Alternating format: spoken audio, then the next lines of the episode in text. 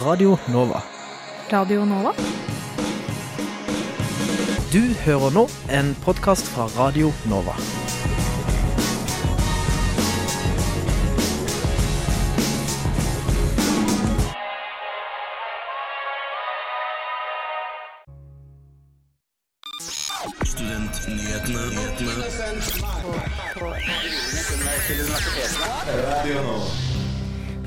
En uke siden ble det påvist legionellasmitte i vannet i studentboligene på Carl Berner. Vi har fått en oppdatering fra SIO. Vi sender live fra kvinnedagsmarkeringen ved Oslo OsloMet. Er studenter flinke til å kjøpe brukte klær? Vi har hørt sentralbankens sjef årstale til studenten 2020. Hvordan forholder universitetene seg til korona? Skikonferansen 2020 er over, og Johanne var der for å forhøre oss med tidligere studenter om deres forhold til kvinnedagen. Hei sann og hjertelig velkommen til Studentnyhetene her på Radio Nova denne fine fredagen. Jeg heter Anna Tørresen, og med meg har jeg Hege Lianne Williams. Hallo? I dag vil jeg påstå å si at vi har en forrykende sending til deg. Eh, vi får bl.a. besøk av listeleder for Moderat liste, Mathias Meyer, og leder for Grønne studenter, Vemund Jernsletten. Hvor temaet blir bl.a. X-Fill, så det er bare å glede seg. Men aller først ukas nyhetsoppdatering.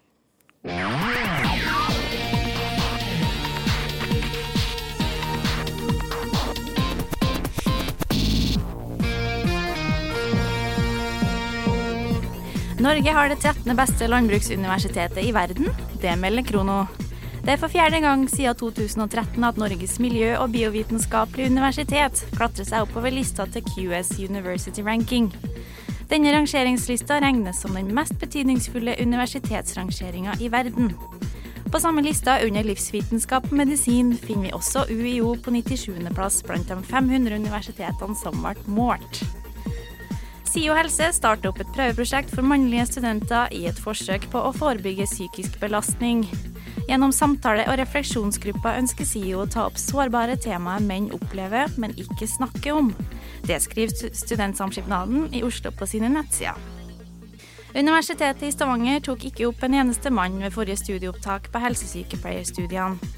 Universitetet har nå innført en kvote, slik at én av ti studieplasser skal gå til menn. Etter yrket skifta navn fra helsesøster til helsesykepleier, har antallet mannlige søkere mangedobla seg, men bare halvparten av utdanningsstedene har tatt opp menn. Det er et samfunnsansvar å hjelpe flere menn inn i helsesykepleieryrket. Det sier Bjørg Frøysland Oftedal ved utdanningen i Stavanger. Det melder NRK.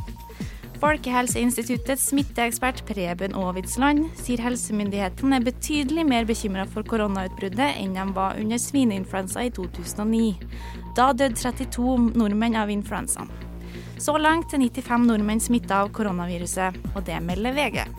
Ukas nyhetene fikk du av meg, Hege Lian Williams.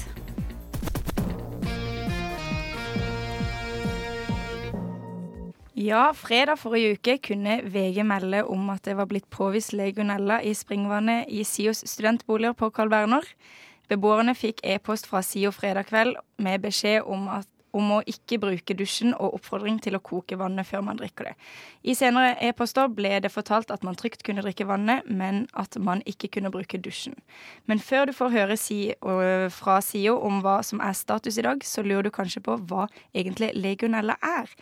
Og det skal vi si til deg. Ifølge Folkehelseinstituttet så er legionella en bakterie som kan leve i vann med en temperatur mellom 20 til 50 grader.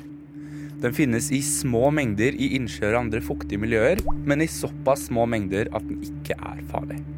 Bakterien den dør når vannet får en temperatur over 60 grader, og derfor skal varmtvannsberedere ha en temperatur på minst 70 grader.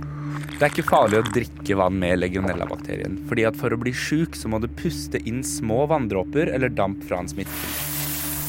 Dusjen er derfor det mest vanlige stedet for smitte i Norge, men du kan få smitten fra boblebad, kjøletårn, høytrykksspylere og andre steder. For unge og friske personer er det liten sannsynlighet for å bli sjuk. Men dersom du skulle bli utsatt for bakterien, kan det gi deg to ulike sykdommer. Du kan få legionærsykdom, som er en alvorlig lungebetennelse med høy dødelighet. Den er svært sjelden, og det er lite risiko for unge og ellers friske personer. Denne sykdommen den behandles med antibiotika, og i Norge så meldes det om rundt 40 tilfeller hvert år. Du kan også få Pontiac-feber, som er en mindre alvorlig influensalignende sykdom. Den kan ramme alle, og nesten alle som blir smittet, får denne sykdommen. Sykdommen er derimot ikke dødelig og går stort sett over av seg sjøl. Ja, der hørte du Sander Zakaria fra Opplysningen 99,3 forklare litt om legionellabakterien basert på informasjon fra Folkehelseinstituttet. Musikken i innslaget var Giovanni B, 'Love of French Collective'. Lurer du på noe mer om legionella, eller hva du kan gjøre for å bli kvitt det? Da leser du mer på fhi.no. Ja, skal vi begynne? Ja, Tenkte du at jeg bare skal begynne, eller? Skal vi begynne? Det er bare å kjøre på. Vi trenger grønt lys. Det er grønt lys her. det er ikke så lett som det høres ut som. Studentnyhetene hver fredag fra 11 til 12. På Radio Nova. Det har nå gått en uke siden det ble påvist legionella i vannet i SIOs studentboliger på Carl Berner. Hva har SIO gjort for å begrense smittefaren, og hva er status i dag? I dag morges prata vi med kommunikasjonsdirektør i Studentskipsnaden SIO, Nina Langeland. Hvordan fant SIO at det var legionella i vannet? SIO oppdaget ved en rutinemessig kontroll av vannkvaliteten på Carl Berner at det var legionellafunn i vannet. Det oppdaget vi fredag eh, for en uke siden. Hvor ofte gjør dere slike tester? Eh, Vi eh, har en plan slik at vi systematisk jobber oss igjennom alle 100 boligbyggene våre. Eh, Nå var vi kommet til Carl Berner. Hva har dere gjort for å begrense smitten? Det første vi gjorde var å øke temperaturen på vanntankene på studenthuset. Vi eh, gikk også ut med oppfordring til beboerne om å ikke benytte dusjene, og anbefalte å koke drikkevannet. Så var vi ute og banket på alle dørene for å være sikre på at studentene fikk informasjon, i tillegg til at vi sendte ut e-post og SMS. Vi har også fjernet dusjlanger og dusjhoder, og er i gang nå med å montere nye dusjlanger. Når regner dere med å være ferdig med å montere nye dusjhoder og slanger? Vi er omtrent halvveis i arbeidet. Jeg kan dessverre ikke si akkurat eh, når vi er ferdig, men vi jobber så fort vi kan, samtidig som vi sørger for å gjøre arbeidet med den nødvendige kvaliteten. Eh, Det har blitt gitt tilbud om dusjing hos SIO Atletica og Sats Carl Berner. Hvor lenge vil dette alternative tilbudet være tilgjengelig? Vi har ikke satt noen dato for det, men eh, vi vil opprettholde tilbudet til student, alle studentene der har muligheten til å benytte dusjen hjemme. At dusjlanger er montert.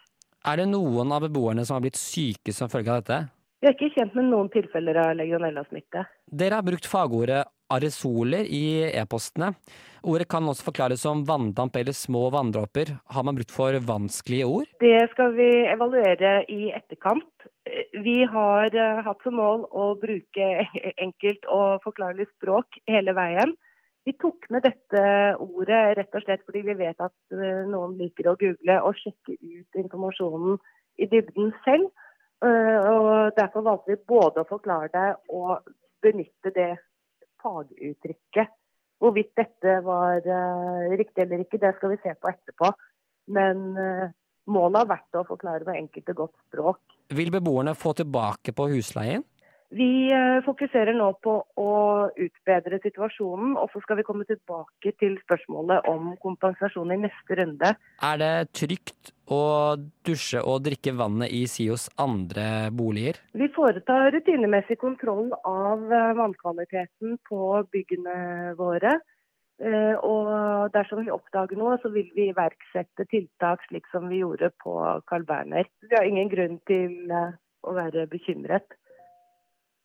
Det var vår reporter Ingar Jakob Feiring som prata med kommunikasjonsdirektør i Studentsamskipnaden, Nina Langeland, om legionella-utbruddet på Carl Berner. Og om nøyaktig to dager så er det faktisk kvinnedagen. Eh, Dagen markeres med tog som går gjennom Oslos gater nå på søndag. Oslo Met har i den anledning en markering for å støtte kvinnedagen. Et to timers arrangement med innspill fra ulike parter. Og vi har eh, med oss eh, reporter Stig Gørang Skogvann på stedet nå. Hei, hei. Hva skjer på Oslo Met, Stig? Ja, eh, her på OsloMet så er det arrangement for kvinnedagen. Eh, det er både studenter, ansatte og byens befolkning som er invitert til det. Eh, noen av arrangementene som skjer her, det er bl.a. Kan kunstig intelligens true likestillingen, eller er algoritmer sexistiske? Du får også en samtale fra scenekanten med, mellom innlederne og Tale Skjølsvik. Så vi har tidligere i dag også snakket med Vibeke Horn, som er ordstyrer for i dag, for å høre litt mer om arrangementet som skjer. Eh, jeg er nå med Vibeke Horn, eh, programansvarlig for kultur og mangfold ved Oslo OsloMet og ordstyrer for dagens arrangement. Kan du fortelle litt om kvinnedagsmarkeringsarrangementet i dag? Det kan jeg. Eh, mangfold er en av Oslo Mets kjerneverdier, og vi jobber med å forvalte den verdien ikke bare i dag, men hele året. Selv om selvfølgelig kvinnedagsmarkeringen alltid er et årlig høydepunkt. Da tar vi opp ulike aktuelle temaer innen feltet likestilling. I år kunstig intelligens og likestilling. Vi stiller spørsmålet kan kunstig intelligens true likestillingen? Eh, kunstig intelligens gir oss utrolig mange muligheter, men vi, man må òg være bevisst og vite hva man gjør. I dette tilfellet så ser vi at som på en del andre felt, så er det i klar majoritet menn som står for utviklingen av feltet, som er programmerere osv. Vi har sett en del tilfeller på at den strukturelle ulikheten som eksisterer mellom kvinner og menn, òg da har blitt overført til, til dette feltet. Eh, til å snakke om det har vi bl.a. Tone Marie Wahlstrøm, som i dag ble kåret til en av eh, Norges fremste teknologiledere, og vår egen forsker Teresa Kuldova.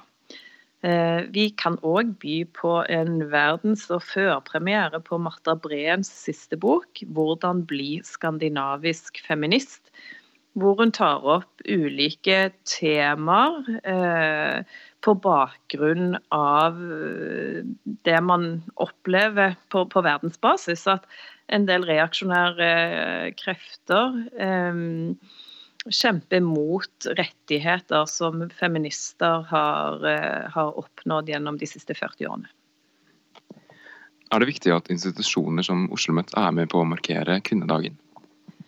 Absolutt. Altså jeg tenker Vi har et samfunnsansvar i det at vi utdanner kommende kommende generasjoner. Som jeg sa, mangfold er òg en av våre kjerneverdier. Og det handler om å, å ta seg selv på ordet.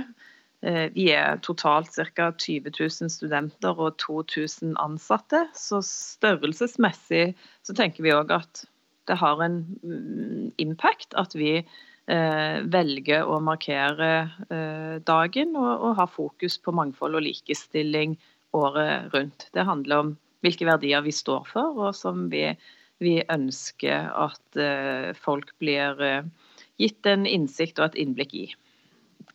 Hvorfor er det viktig å markere kvinnedagen i 2020? Som jeg nevnte, så uh, er det en del krefter som jobber mot rettigheter feminister har oppnådd. Og da eh, tenker jeg på angrep eh, og forsøk på å kanskje forandre abortlovgivningen.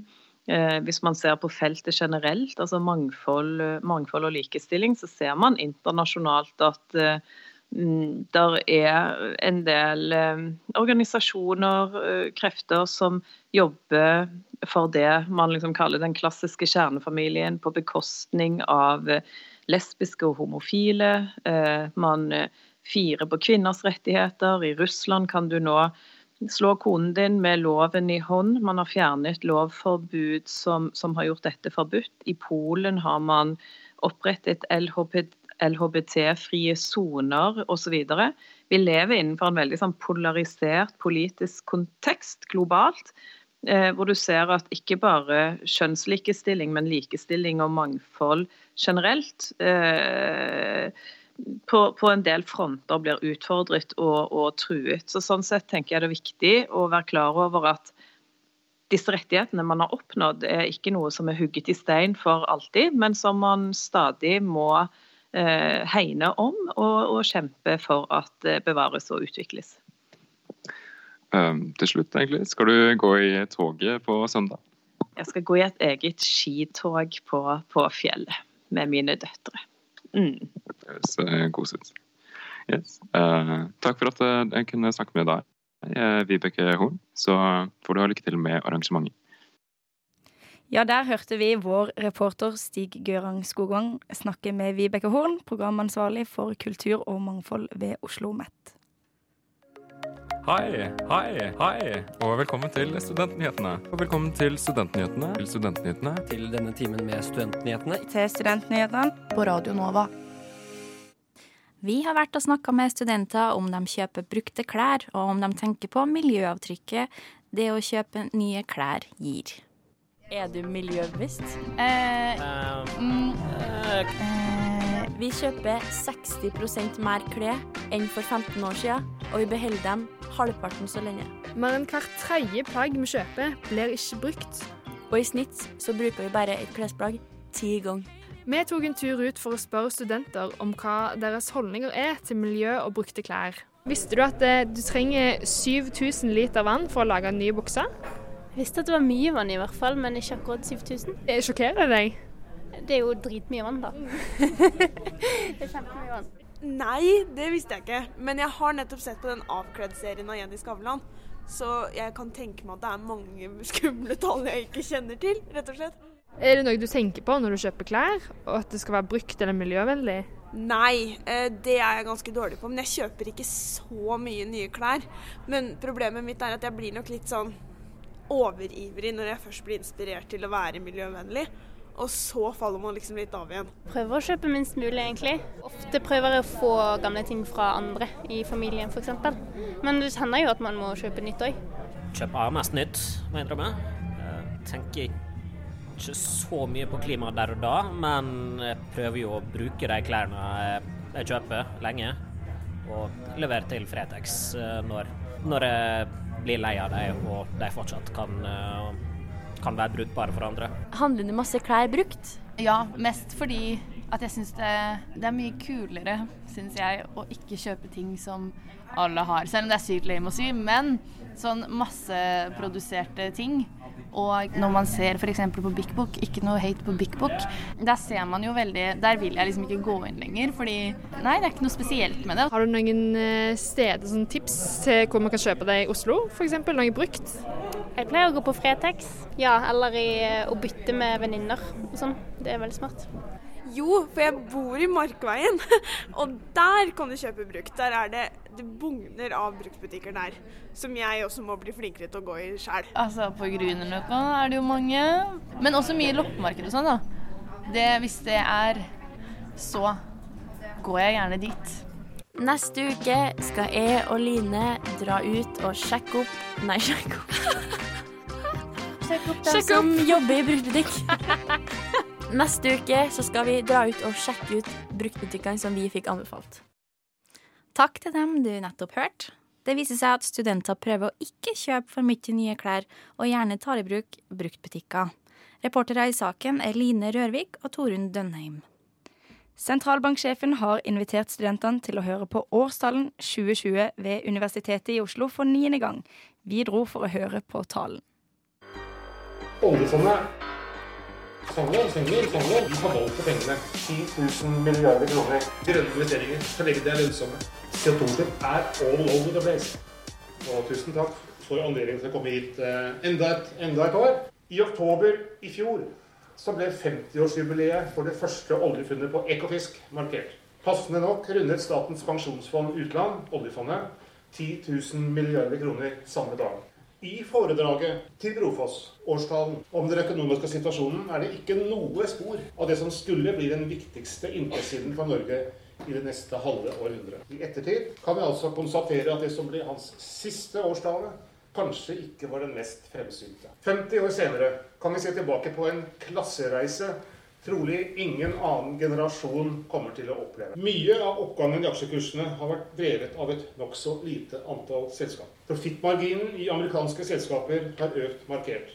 Det er særlig de store teknologiselskapene som har tjent penger. De kjennetegnes ved at de opererer i markeder der gevinsten av å være det ledende selskapet er stor. Som en liten, åpen økonomi har Norge alltid vært svært avhengig av den økonomiske utviklingen internasjonalt. Den store utenlandsformuen vi har bygget opp, knytter oss enda tettere til verdensøkonomien. Vi har hele tiden visst at aktiviteten på norsk sokkel før eller siden vil falle. Etter et halvt århundre med oljevirksomhet er om lag halvparten av det som antas å være totale reserver, hentet opp. Det er også et spørsmål om hvor mye av gjenværende ressurser som vil være lønnsomme å utvinne. I dag så bidrar de globale klimautfordringene til denne usikkerheten. Forbruket av fossile brensler, herunder olje og gass, må i så fall reduseres. Men samtidig så vil verden fortsatt ha behov for energi. Hvor mye og hvor stor andel av dette energibehovet som vil måtte dekkes av olje og gass, er usikkert. Det avhenger bl.a. av klimapolitikken og av den teknologiske utviklingen. Pengepolitikken skal også bidra til høy og stabil produksjon og sysselsetting, og til å motvirke oppbygging av finansielle ubalanser. I dag er en mindre andel av befolkningen mellom 25 og 54 år sysselsatt enn for 20 år siden. Blant de som blir stående utenfor arbeidslivet, er det noen fellestrekk. Ett er svak formell kompetanse. Blant disse finner vi både nylig ankomne innvandrere og unge som har falt ut av utdanningsløpet. Et annet trekk er dårlige språkkunnskaper. Det er også bekymringsfullt at andelen uføre øker, spesielt blant unge. Der hørte du sentralbanksjefen Øystein Olsen. Reporter i saken var Helene Wilhelmsen. Vil du høre hele talen, hør ukas emneknaggen på radionova.no, eller hør podkast fra Studentnyhetene. God studentpolitikk er god eh, fremtidspolitikk. Studentnyhetene. Vi er nyhetsprogrammet av og med studenter. Vinnerne av delfinalen i Norges Bank Case NM ble også kåra under arrangementet. Her kommer noen av høydepunktene. Men nå er tiden altså kommet for å, for å annonsere hvem av lagene som deltok i delfinalen, som er videre til finalen vi arrangerer i Norges Bank den 19. mars. Og så sist, men minst, førsteplassen, det er Import Mike in Norges Bank. Ja, hvordan er det å ha vunnet NM? Ja, har, Nå har vi jo ikke vunnet NM ennå, da. Her, her, i Oslo, da. Ja, Delfinalen, jo, det er veldig, veldig gøy. Det er kjempemorsomt. Var det mye arbeid? Ja, vi har forberedt oss litt. Grann. Vi var vel her på søndag og tok litt eh, direkte forberedelser, kanskje, for å friske opp økonomiintuisjonen. Har vi jobba i dag også, ganske aktivt under oppgaven. Hvor lang tid har dere hatt på dere? I, I, selve oppgaven i dag, altså. Ja, vi hadde 50 minutter på de to første, og 20 på den presentasjonen vi, vi ble tvunget til å holde nå på slutten. Da. Så vidt jeg har fått med meg, så er det ingen pengepremie. Hvorfor deltar dere? Ja, Det er et godt spørsmål. Er, eh, vi er jo, jobber sammen hver dag eh, med, alle, med, med, andre fag, også økonomi, og liker å jobbe på den måten. Så det passet oss ganske bra. Så jeg vi jo makroøkonomi er eh, veldig spennende. Det er alltid gøy med en faglig utfordring. Å gå eh, til grensen av hva man kan eh, lære på kort tid. Og så viktig er spørsmålet. Hvordan skal dere feire i dag? Vi er rett på, på lesesalen og forbereder morgendagens eh, eh, reelle analyseforelesning. Ja. Utsetter det til helga, tenker jeg. Ja. Det er lurt. Det var vinnerne av Norges Bank Case NM. David Andersen, Øystein Høistad Bruce og Sigurd Holmsen. Reporter i saken var Helene Wilhelmsen. Josefine Marie og Henrik har sett på tiltak universitetene i Oslo gjør for å forebygge koronasmitte på campus. Universitetet i Oslo har sendt ut mail med informasjon som inneholder hva slags tiltak universitetet setter i gang for å forebygge smitte på campus. Videre står det i mailen at universitetet kommer til å varsle både studenter og ansatte dersom en student eller ansatt i relasjon har blitt smittet. Det har rundt på campus blitt bestilt opp ekstra antibac, og i tillegg til at det ble satt ut ekstra antibac, har de også økt skolens renhold. Om studenter ønsker mer informasjon, anbefaler universitetets sentrale beredskapsledelse og enhet for HMS at studenter og ansatte holder seg oppdatert via SIO sine hjemmesider, som er sio.no. Høgskolen Kristiania forteller i sin mail til studenter og ansatte at de har opprettet en egen informasjonsside. Der anbefaler de alle som oppholder seg på campus om å følge med for å holde seg oppdatert. Videre refererer de til Helseinstituttets råd om hvordan man skal forholde seg til viruset. Alle BIs campuser er åpne, og de oppfordrer alle studenter til å fortsette sin studiehverdag som vanlig. De oppfordrer også å følge rådene som Folkehelseinstituttet har oppgitt vedrørende forebyggende tiltak. De har ekstra rengjøring ved alle campuser. BI har nedsatt en beredskapsgruppe for å gi råd til studenter og ansatte. De vil også iverksette nødvendige tiltak ved eventuell karantene av studenter og ansatte, og ved smitte. Hvis utviklingen av viruset i Norge fører til konsekvenser for undervisning og- eller eksamensgjennomføring, vil berørte studenter få informasjon på e-post. Videre forteller BI at det er to ansatte ved Campus Oslo som sitter i karantene i 14 dager etter oppfordring fra helsemyndighetene, men ikke påvist smitte. Avslutningsvis ønsker vi Radio Nova å si at vi oppfordrer til å følge Folkehelseinstituttets råd. Eh, Dette gjør også universitetene og høyskolene med god håndhygiene og generell varsomhet. Reportere i saken var Josefine Marie Petersen og Henrik Pedersen. Torsdag 5. mars gikk skikonferansen av stabelen. Konferansen setter fokus på likhet mellom kjønn i arbeidslivet, samt hvordan arbeidslivet kan bli mer inkluderende. Vår reporter Johanne Austdal var der for å spørre bl.a. roboten Pepper om deres forhold til den kommende kvinnedagen.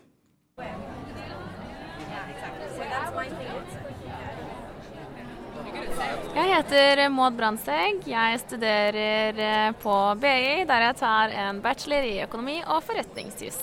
Ja. Og mm, hvor er det vi er akkurat nå? Nå er vi i Oslo Spektrum og følger Ski Conference 2020. Og hvorfor eh, er du her i dag? Jeg er her for å følge med på de siste oppdateringene på hvordan det står til med kvinner i business. Jeg er også veldig interessert i å um, se hva de tenker eh, om fremtiden. Det er utrolig mange spennende foredragsholdere. Um, der bl.a. er uh, menn og kvinner som er ledere i store selskaper og små selskaper. Og uh, min mor er også ganske godt investert i ski um, community, noe som gjør at det har smittet ganske mye over på meg. Så jeg syns også det er veldig spennende og, og uh, mener at det er noe alle burde, både gutter og jenter, burde sette seg godt inn i. For det er ikke bare at eh, kvinner skal opp og frem, men det skal være likt for begge kjønn. Og angående det, hvilket forhold har du til eh, kvinnedagen?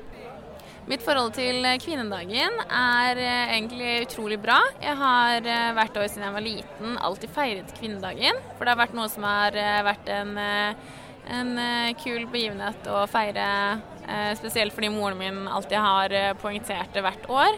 Eh, der vi har bl.a. snakket om sterke kvinnelige form, forbilder og hva vi kan gjøre for å få kvinner opp og frem, egentlig. Så veldig godt bilde av kvinnedagen, altså.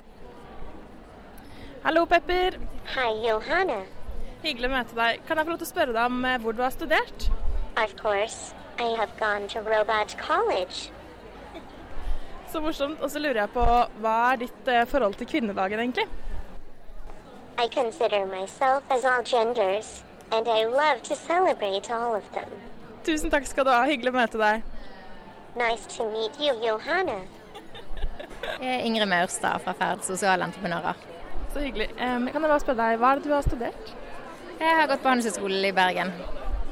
Nå kommer jo kvinnedagen snart. så Lurer bare på ditt forhold til kvinnedagen. Jeg har egentlig ikke sånn veldig forhold. Jeg har tenkt tidligere at det er helt unødvendig å ha en kvinnedag fordi at man skulle vært lenger i samfunnet, tenker jeg da. Men samtidig så ser jeg jo nå at det, man er ikke kommet så langt som man gjerne skulle ønske. Så jeg tror faktisk absolutt det er nødvendig. Ja. Takk skal du ha. Jeg heter Mohammed, og så jobber jeg som eh, konsulent i Deloitte. Mm, hva er det du har studert for å bli det? Jeg studerte industriell økonomi og teknologiledelse på NTNU på Gløshaugen i Trondheim. Og så studerte jeg, eller var på utveksling i San Diego, UC San Diego. Ja. Så kult. Og så, Vi er jo her på skikonferansen og lurer på hva sånn i, i sammenheng med det, eh, hva ditt forhold til kvinnedagen er? Jeg syns det er eh, veldig viktig. Eh, jeg jobber jo veldig tett med mange av lederne i norsk, altså norsk næringsliv. Og jeg merker at kanskje Norge er ikke helt på topp Eller Norge er helt på topp på likestilling i verden. men det er langt fra liksom bra enda. Men det er mange som, som ser nå at man får mye bra av å ha større andel kvinner på toppen. Og det er viktig for meg på en måte, å både engasjere meg i det og, og lære om det og, og ha et bevisst forhold til det. da. Mm. Takk skal du ha. Ja, vær så god. Der hørte Johanne Austdal, som dekka skikonferansen 2020. Instituttet for filosofi, idé- og kunsthistorie og klassiske språk har litt økonomiproblemer om dagen, men X-FIL-faget blir ikke påvirka av dette. X-FIL skal bli, men hvorfor? Eh, vi har med oss listeleder for Moderat liste, Mathias Meyer. Eh, og i tillegg så har vi også med masterstudent i filosofi og leder for Grønne studenter, Vemund Jernsletten, som også sitter i studentparlamentet for Grønn liste. Velkommen til dere, gutter. Tusen hjertelig takk. Tusen takk for at vi kom her. Jo, bare hyggelig.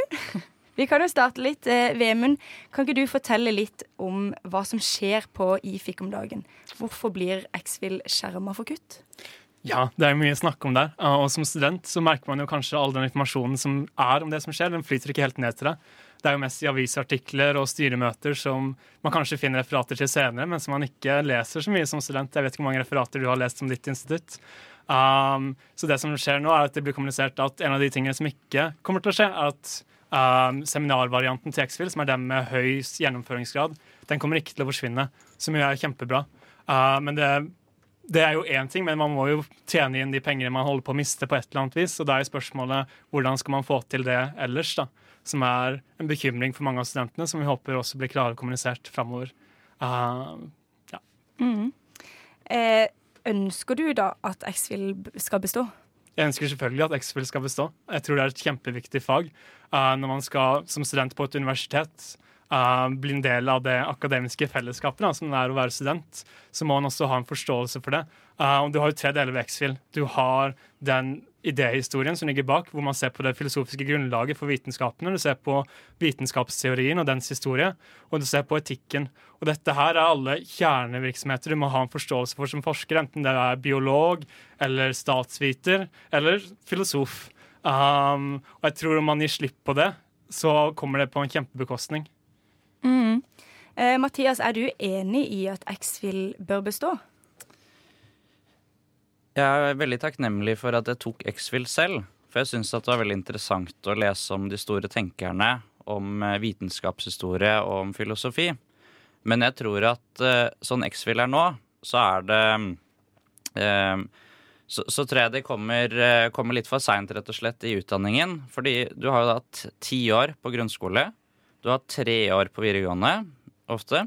Og eh, når du da først skal studere, du har noen få år igjen med skole før du skal ut i arbeidslivet, da syns jeg at du må kunne bestemme selv hvilke fag du skal. Du har jo da blitt bestemt av staten hvilke fag og fellesfag og allmennfag du skal ha i, i, minimum 13 år. Og når du da har noen få år igjen, så syns jeg det er rart at, eh, at, du ikke kan bestemme det selv. Jeg kjenner, kjenner at meg selv og mine venner da, føler at, uh, at, man er veldig klar for å spesialisere seg. Man har lyst til å ta fag i det man er interessert i, det man har lyst til å bli god på. Og jeg tror det er det som skiller oss fra høyresiden og dere i, eh, hos De grønne, er jo at vi, vi, stoler på at folk eh, kan ta de beste beslutningene selv. At uh, om folk ønsker å ta X-Fill, så må det være helt fint for dem. Om de heller har lyst til å ta matte, så må det også være studenten selv som skal få bestemme det. Mm. Er du enig i dette, Vemund? Altså, jeg er veldig enig om den påstanden at man burde føre mye av det innholdet i eh, X-Fill tidligere ned i utdanningsløpet. At man må ha mer kritisk refleksjon og filosofi også i grunnløpet i utdanningen. Um, så er jo ikke det et overleggende prinsipp som her blir presentert, som høyreregjeringen har gått inn for, at man skal ha total valgfrihet i utdanningen. Og det tror jeg heller ikke er hensiktsmessig. Når du går i et studieløp, så er det visse rammer som er satt for det, som du også har en viss frihet i. Uh, og det er det bra fordi Selvfølgelig Som student så har du gode forutsetninger for å vite hva du vil spesialisere deg men samtidig så er det utdanningsløpet du er del av, konstruert av eksperter og akademikere som har høy ekspertise på hva som er liksom de grunnleggende uh, innsiktene du må ha for å ta del i den fagtradisjonen. Du har tusenemnenivå når du går på en bachelor, som du må kunne vite for å kunne bygge videre på det. X-FIL inngår også i dette. Det er en nøkkelkunnskap for å være en vitenskapsperson, en forsker, eller for å ha bare den bachelorkunnskapen eller masterkunnskapen som du så går videre ut i samfunnet med. Mm, for da kommer vi også over til liksom, spørsmålet om X-Fill skal være Skal det være et obligatorisk fag? For eksempel så har jo ikke Oslo OsloMet det som et obligatorisk fag. Hva, hva mener dere om det? Jeg tenker jo kanskje uh, at det at det ikke blir et obligatorisk fag, går jo på bekostning av mange av de verdiene man vil ha. Vi ser at Nå går vi for stadig mer tverrfaglighet innen forskningen. Da må man ha både et felles grunnlag for hva man er som forsker, men også en forståelse for hva som skiller en. Uh, det å ha et reflektert forhold til vitenskapsteori um, gjør at du også har mye bedre forutsetninger for å som biolog kunne samarbeide med en statsviter, gå i dialog med de som har en annen fagtradisjon, som også har måttet gjøre andre faglige prioriteringer i hva som er god vitenskap innenfor sin fagrenn. Hvis du ikke har det kritiske forholdet, uh, så mister du også forutsetningene for å være del av det store tverrfaglige samarbeidet. Um, og det kan man si, ja, ja, men det trenger man ikke å velge. Um, man trenger jo heller ikke å velge å ta en bachelorgrad eller en mastergrad på et universitet. Man har høyskoler, man har andre framtidsgrener. Eh, det er et løp som man er privilegert til å ha, og man har en rett til å kunne søke på. Men det er jo selvfølgelig rammer som også må skapes uh, ut fra de forutsetningene for hvordan man får en god utdanning. Som jeg håper i alle fall de som skaper de rammene, har god ekspertise på, som jeg føler de har. Har du noe å tilføye til det, Mathias? Jeg syns det er et paradoks at man, man snakker jo da om at uh, det er veldig viktig å ha mye X-Fill uh, på skolen. Men så legger man det på et sted i utdanningsløpet hvor veldig mange går glipp av det. Hvis du går på UiO, så, er det jo, eh, så har vi jo mye X-Fill. Hvis du går på NTNU, så er det jo mindre X-Fill, det er mindre studiepoeng i det. På Oslo OsloMet er det jo valgfritt. Studerer du i utlandet, så går du glipp av X-Fill. Og mange i Norge de tar jo ikke høyere utdanning. Så jeg syns det er rart at et fag som er sånn fellesfag, eller sånn allmennfag man mener at alle, uansett utdanningslinje, uansett hva du vil spesialisere deg i, om du går eh, samfunnsfag eller om du går naturfag, så syns jeg det er rart at man plasserer det på utdanningsløpet når, når, det ikke lenger er felles, når veldig mange går glipp av det. Da er det rart at man plasserer det så seint i utdanningsløpet. Og Derfor mener vi at, eh, at, på universitet, når du er, eh, du er jo voksen, da bør du kunne selv bestemme hvilke fag du skal ha. Du skal få lov til å svare på det. Ja, bare veldig kort. Jeg er enig med at man burde føre med ned, men samtidig så er det deler av det som er en utdanning for en forsker eller en vitenskapsperson. Som ikke nødvendigvis er universelt for alle.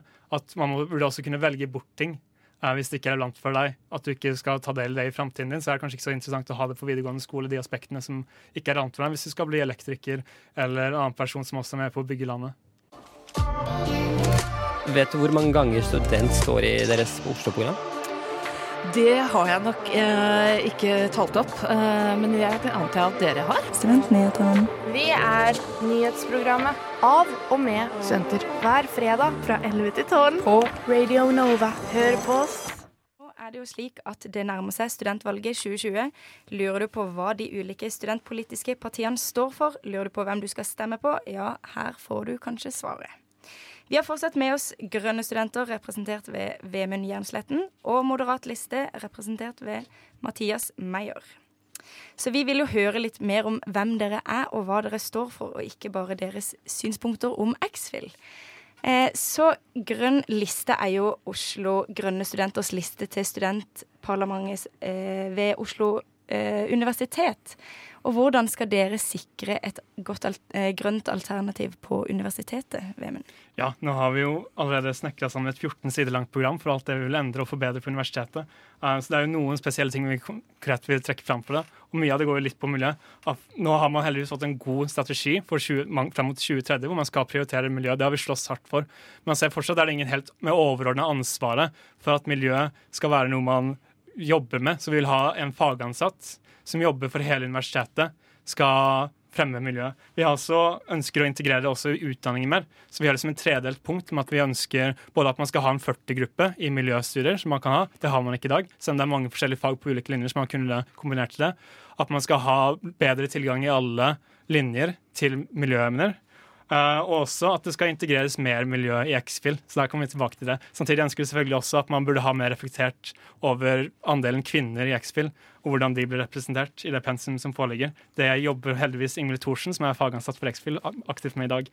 Um, men så er det jo masse andre punkter i programmet vårt som går på liksom høyt og lavt. På bedre ventilasjon i undervisningslokalene, til at internasjonale studenter må bli bedre integrert i fadderuka sammen med norske studenter. Så det er mye gøy vi skal få til, hvis dere stemmer på oss.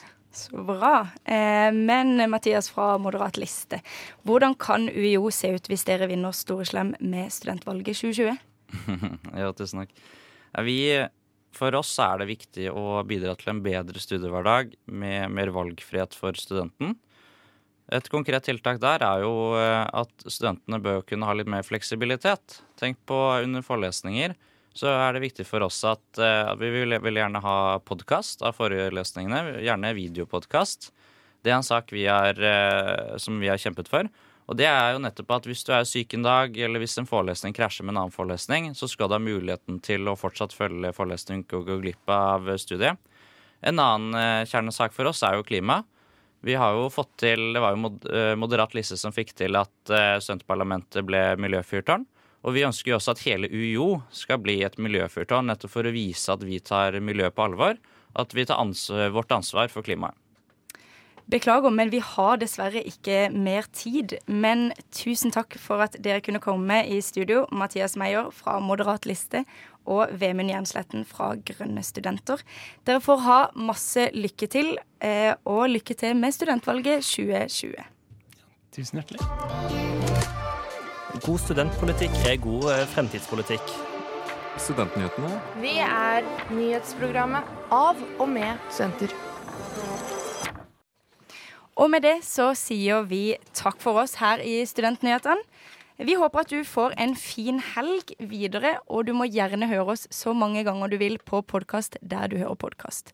Studentnyhetene heter vi også på alle sosiale medier. Jeg heter Anna Tørresen, og med meg har jeg hatt Hege Lian Williamsen. Nei, Williams. Tekniker i studio var Anniken Støland. Du har hørt en podkast fra Radio Nova. Likte du det du hørte? Du finner flere podkaster i iTunes og på våre hjemmesider radionova.no.